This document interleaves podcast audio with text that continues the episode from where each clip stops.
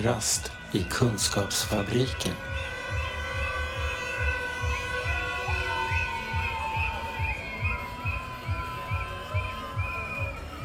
Och som ni kanske hör så är Kafferast i Kunskapsfabriken idag ute i verkligheten. Dessutom dricker vi kaffe, vi sitter på konditori och utanför har Stockholms skolor avslutning idag. Men jag sitter här med Erik Eriksson Hej hej. som är, Ja, vad är jag? Jag är ju filosofie doktor i socialt arbete just det, och har skrivit en avhandling om brukarinflytande inom socialtjänst och psykiatri. Mm. och det är ju då ingen slump att du är med i den här Nej, podcasten jag om man säger det. Exakt. eh, Vad var det den hette avhandlingen? Mm. Den hette... Eller heter? Heter. Ja. Den heter Sanktionerat motstånd. Mm. Brukarinflytande som fenomen och praktik. Vad, vad fick dig att vilja liksom utforska just det? Ja, det var så att eh, när jag var student redan på Socialhögskolan, läste till socionom i Lund. Så på socionomprogrammet på sista eller näst sista terminen så läste jag ju, eller redan då var det så här att under programmets gång så fanns det liksom en ganska mycket prat om att det var viktigt med brukarperspektiv och brukardelaktighet och sen läste jag ju en kurs som några av er som lyssnar kanske känner till som heter mobiliseringskursen på Lunds universitet eller socialt arbete som mobilisering och entreprenörskap eller så, där man eh, som socionomstudent läser tillsammans med eh, uppdragsstudenter från eh, olika brukarföreningar rekryteras de eh, från brukarrörelsen som också läser den här kursen då och så läser man fem poäng eller vad det är tillsammans då, liksom socionomstudenter och personer från eh, brukarrörelsen. Och det tyckte jag var en väldigt intressant kurs och jag blev också väldigt intresserad av själva den här eh, idén om liksom möjligheten att påverka det offentliga som ju ändå är väldigt starka organisationer, socialtjänsten och psykiatrin och så här väldigt liksom gamla och, och stora och mäktiga institutioner i samhället. Hur Mm. kan man då som brukare liksom eh, uppfylla den här tanken om att kunna påverka inom de organisationerna? Det var det som intresserade mig. Och då är det ju mest att det är eh, personer från föreningslivet Mm. som är med och påverkar men det kan ju vara personer också hämtade direkt från Den aktuella verksamheten. Ja, ja, ja. Mm. Hur gick du tillväga? Ja, eh, då gjorde jag så att eh, jag var ju lite så att jag visste om kan man säga, eller hade, jag letade ju efter organisationer där jag skulle kunna undersöka där hur jobbar man med brukarinflytande, det var ju Mm. det jag ville undersöka. Vad blir brukarinflytande? Allt det här fina pratet i politiken, vad blir det när det landar i organisationer där man jobbar med socialt arbete? Så då letade jag efter eh, eh, organisationer där jag helt enkelt kunde vara med och studera hur man jobbar med brukarinflytande. Mm. Och då tittade jag runt lite och hittade två organisationer som passade och då var det en psykiatrisk förvaltning och en socialtjänst. Och på båda de här ställena så jobbade man mycket med brukarinflytande eller hade det som ambition. Och det var ju lite av en förutsättning för att jag skulle kunna studera någonting, att de faktiskt jobbade med de frågorna. Att det fanns aktiviteter? Ja, just Och det jag gjorde då var ju helt enkelt att fråga om jag fick undersöka hur de jobbade med brukarinflytande på de här två organisationerna och det fick jag.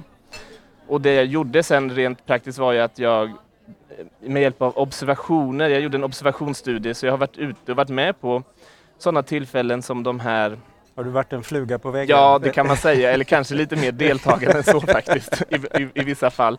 Men jag har helt enkelt varit med på sådana tillfällen inom de här eh, organisationerna där man säger att här jobbar vi med brukarinflytande. Mm. Så under ett och ett halvt års tid så var jag med i de här två organisationerna och var med på liksom brukarråd och när man gjorde olika typer av eh, eh, brukarrevisioner och utbildningar med brukarperspektiv och eh, dialogverkstäder och alla möjliga, allting som man egentligen inom de här organisationerna Mm. sa att här jobbar vi med brukarinflytande, där försökte jag vara med liksom. Och se vad Och som se händer. vad händer i de här verksamheterna. är det vad då? händer i Ja, de här aktiviteterna? Precis.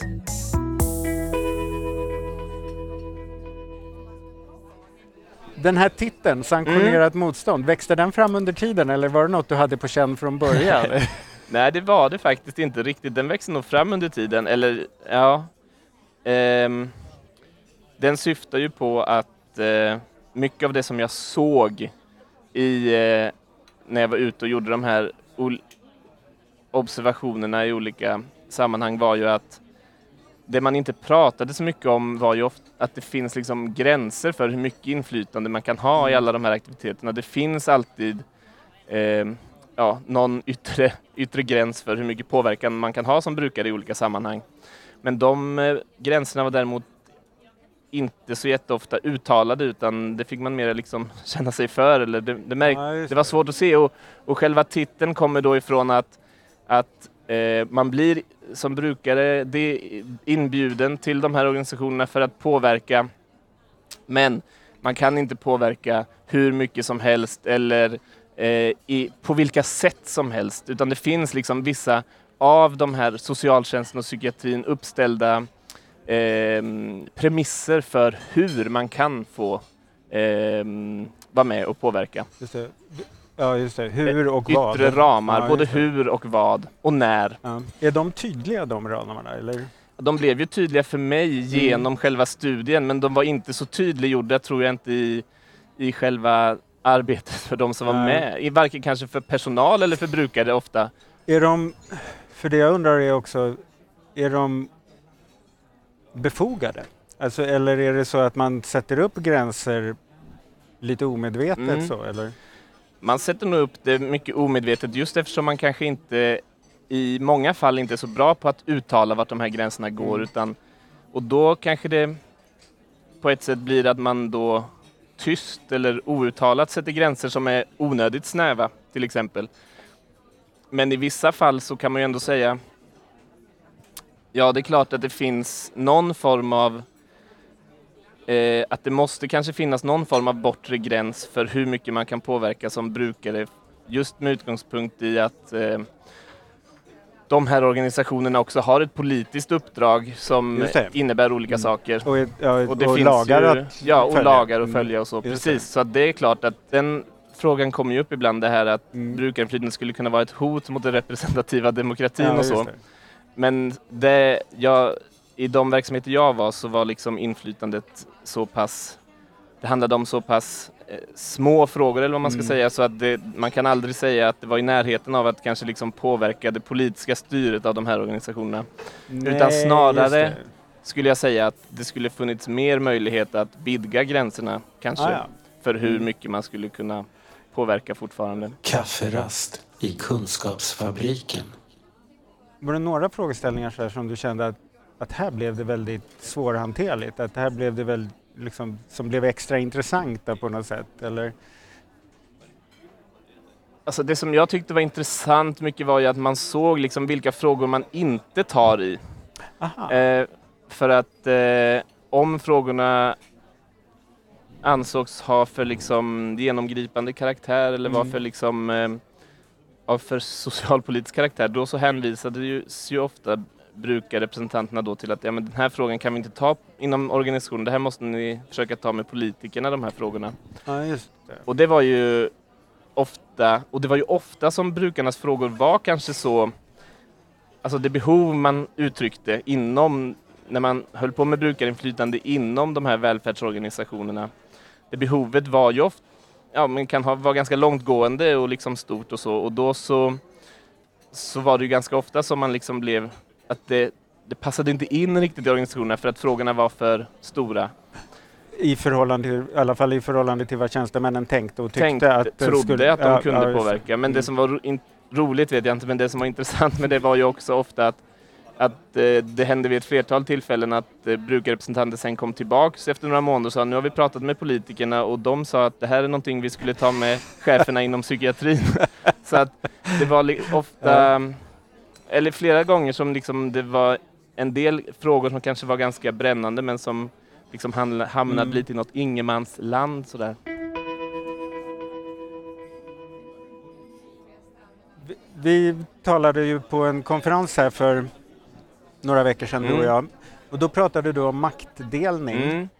Det tyckte, om jag minns rätt så uttryckte du ungefär som att när man pratar maktdelning så blir folk lite för man tänker att jag har så här mycket makt och sen måste jag ge bort en del av den makten och då har jag mindre makt själv.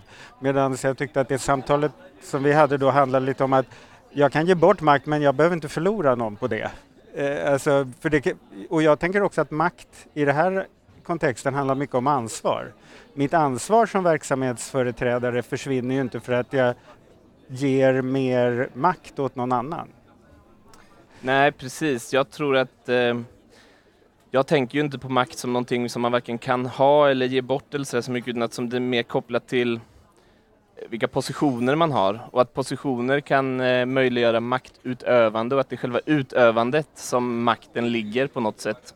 Och att alla parter i alla positioner utövar makt hela tiden men beroende på vilken position och vilka resurser man har så kan man utöva makt på olika sätt.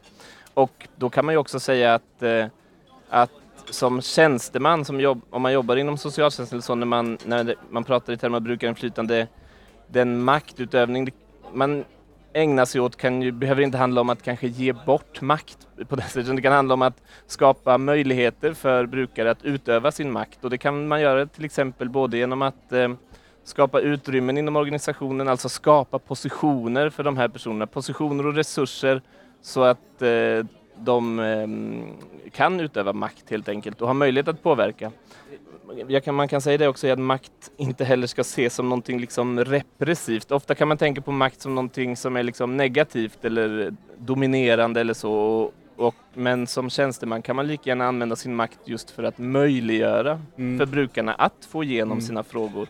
Just det. För det är jag som tjänsteman som alltid i slutändan alltid kommer ha makten eller att vara på positionen att bestämma om brukares åsikter kommer få genomslag ja, i verksamheten. Det är mm. alltid någon som är inom organisationen, brukare som kommer utifrån kan inte, har inte mandat att göra verksamhetsförändringar utan det måste vara någon inne i psykiatrin som faktiskt säger att ja men det här ska vi göra.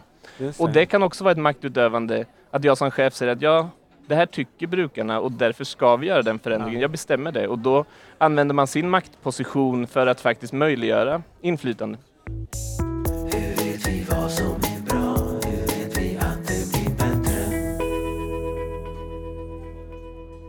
Men kan det vara så att tjänstemän är liksom lite osäkra på sin roll och kring det här med makt och tänker att eh, nej men vi skickar dem till politikerna istället. Och politikerna tänker att kan jag göra, eller vi skickar tillbaka ja. det? Alltså, är det?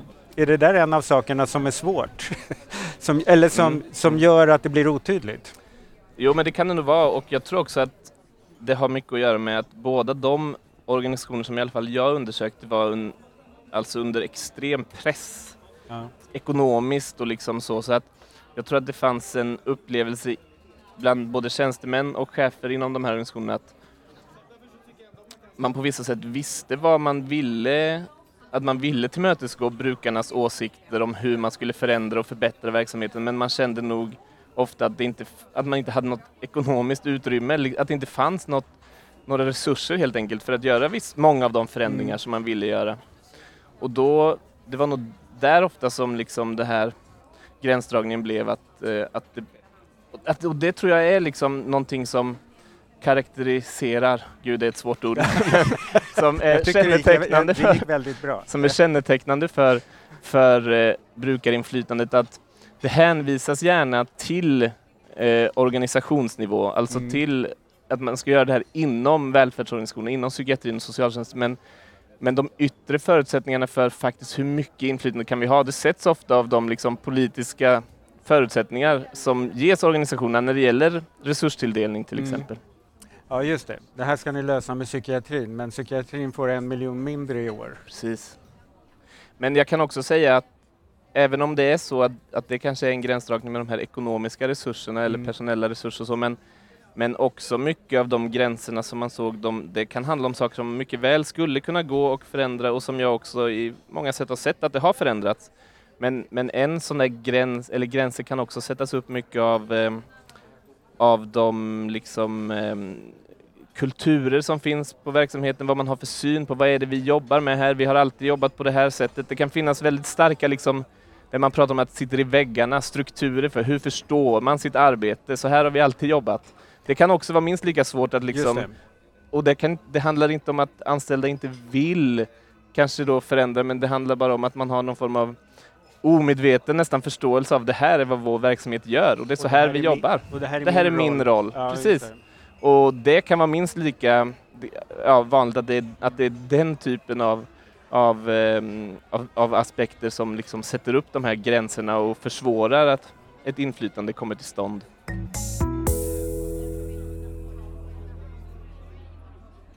Vad tror du våra organisationer skulle ha att lära av din avhandling? Mm. ja. Vi är öppna. Absolut.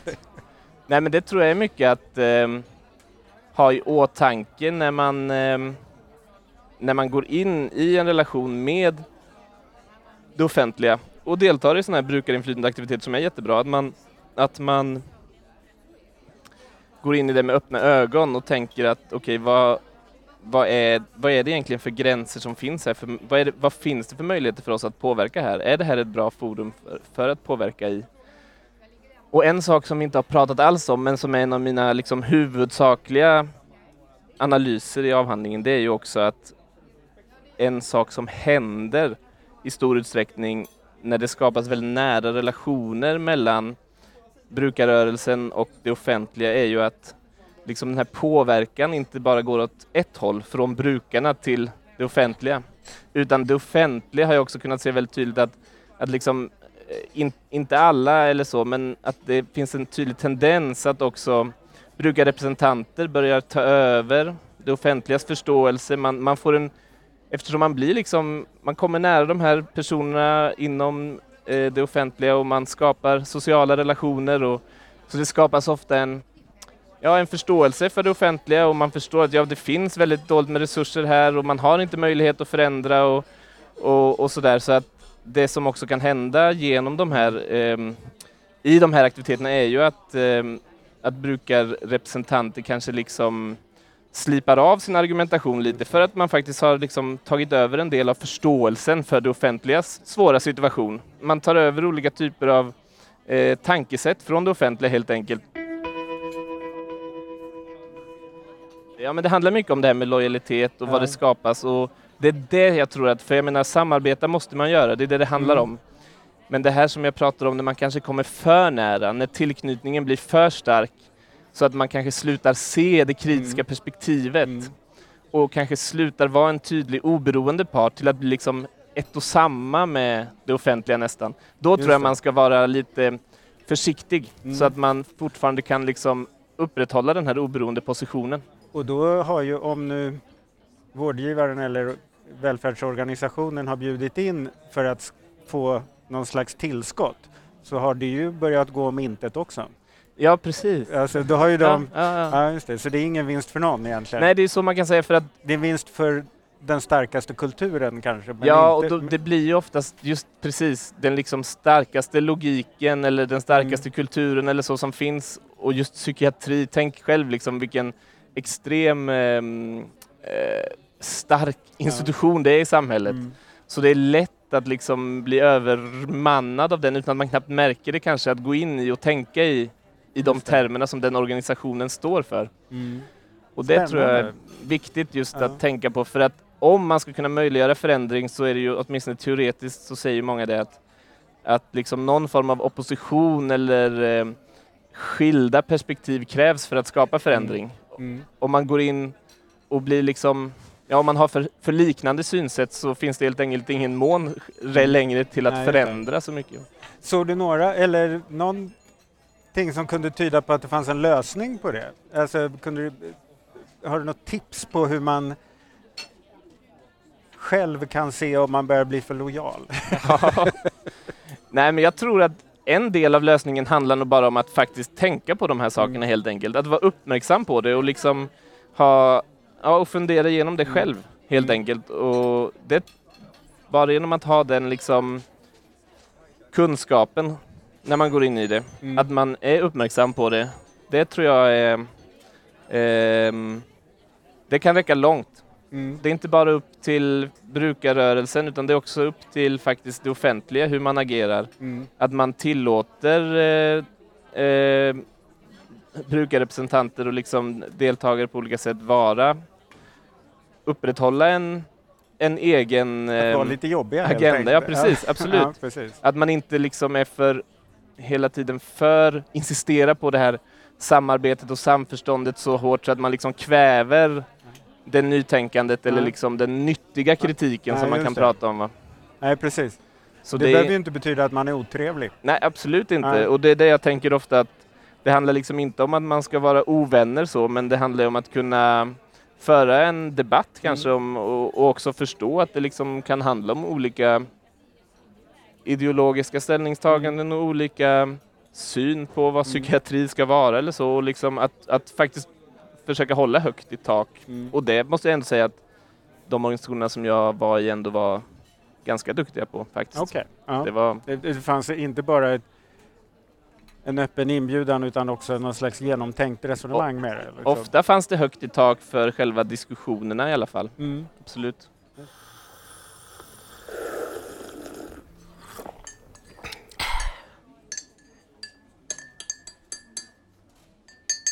Funderar du på vad du skulle vilja studera vidare? Någonting inom det här området eller? Ja, precis. Ehm, jag har lite olika spår där faktiskt. En sak som jag ehm, har funderat lite på nu men inte gått vidare med än, det handlar om att titta på hur det här med brukarinflytande och så kan fungera i små kommuner eller Mm. krympande kontexter. Mm. För det jag studerat nu har varit i ganska stora regioner, Mm. stora organisationer och i miljöer där det har funnits en organiserad brukarrörelse och så. Men liksom den här ambitionen att skapa brukarinflytande finns ju överallt. Ja. Men i många små kommuner så kanske det inte finns någon brukarrörelse överhuvudtaget till exempel organiserat och eh, det blir också en annan situation ofta i, i små kommuner där det mer med liksom privata band mellan eh, anställda och brukare och liksom så, så det är en helt annan kontext. Så det skulle vara spännande att titta på. Men den ser vi fram emot. Ja, Men då får du bli förhoppningsvis. professor sen då, eller? Jag hoppas på det. Om 10-20 år sedan. Ja, just det. Men vi skulle gärna ha den där avhandlingen snabbare än så. Ja, ja. Ja. Nej, jag ska göra mitt bästa får vi se. Vad trevligt att ha med dig i kafferasten Ja, här. det var väldigt Och trevligt. nu har ju faktiskt, verkar det som skolorna har tystnat lite för Ja. stunden. Det kommer brakande Vågar man till. se ut på Ja, stan igen kanske? Ja. Kul, vi hörs! Ja, tack Hej. så mycket. Hej, hej. Den här podden görs av NSPH, Nationell samverkan för psykisk hälsa. Läs mer på vår hemsida www.nsph.se eller följ oss på Facebook, Kafferast i Kunskapsfabriken.